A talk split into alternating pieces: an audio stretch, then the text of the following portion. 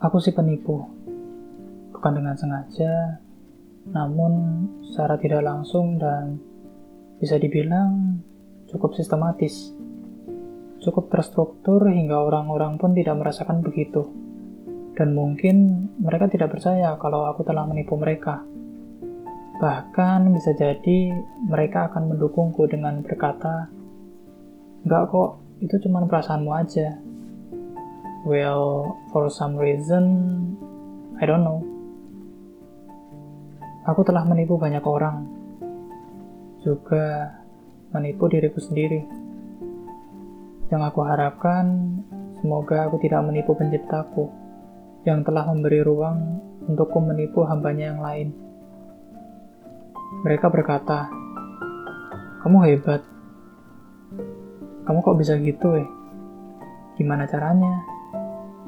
Kamu pinter banget sih. Dan kata-kata baik lainnya. Sebenarnya aku cukup muak dengan apa yang kulakukan. Aku nggak sehebat itu. Aku pun nggak sebijak dan sepintar itu.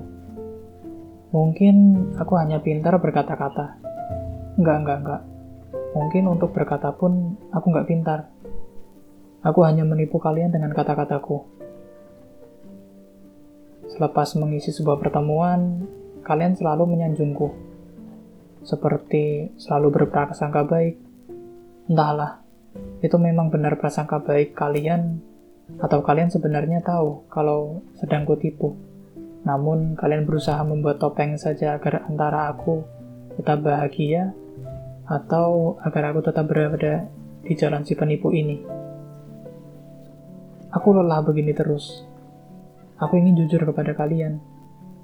Tapi, apa daya, kalian sudah terlalu dalam terjerumus dalam tipuanku yang terlalu halus ini. Kalian mengeluh-alukan aku, si penipu ini. Berbicara ini dan itu seperti seorang motivator atau pakar S3 lulusan Harvard. Padahal semua hanya bualan semata. Tidak ada yang bisa diambil dari perkataanku. Kau cari apa? Pelajaran.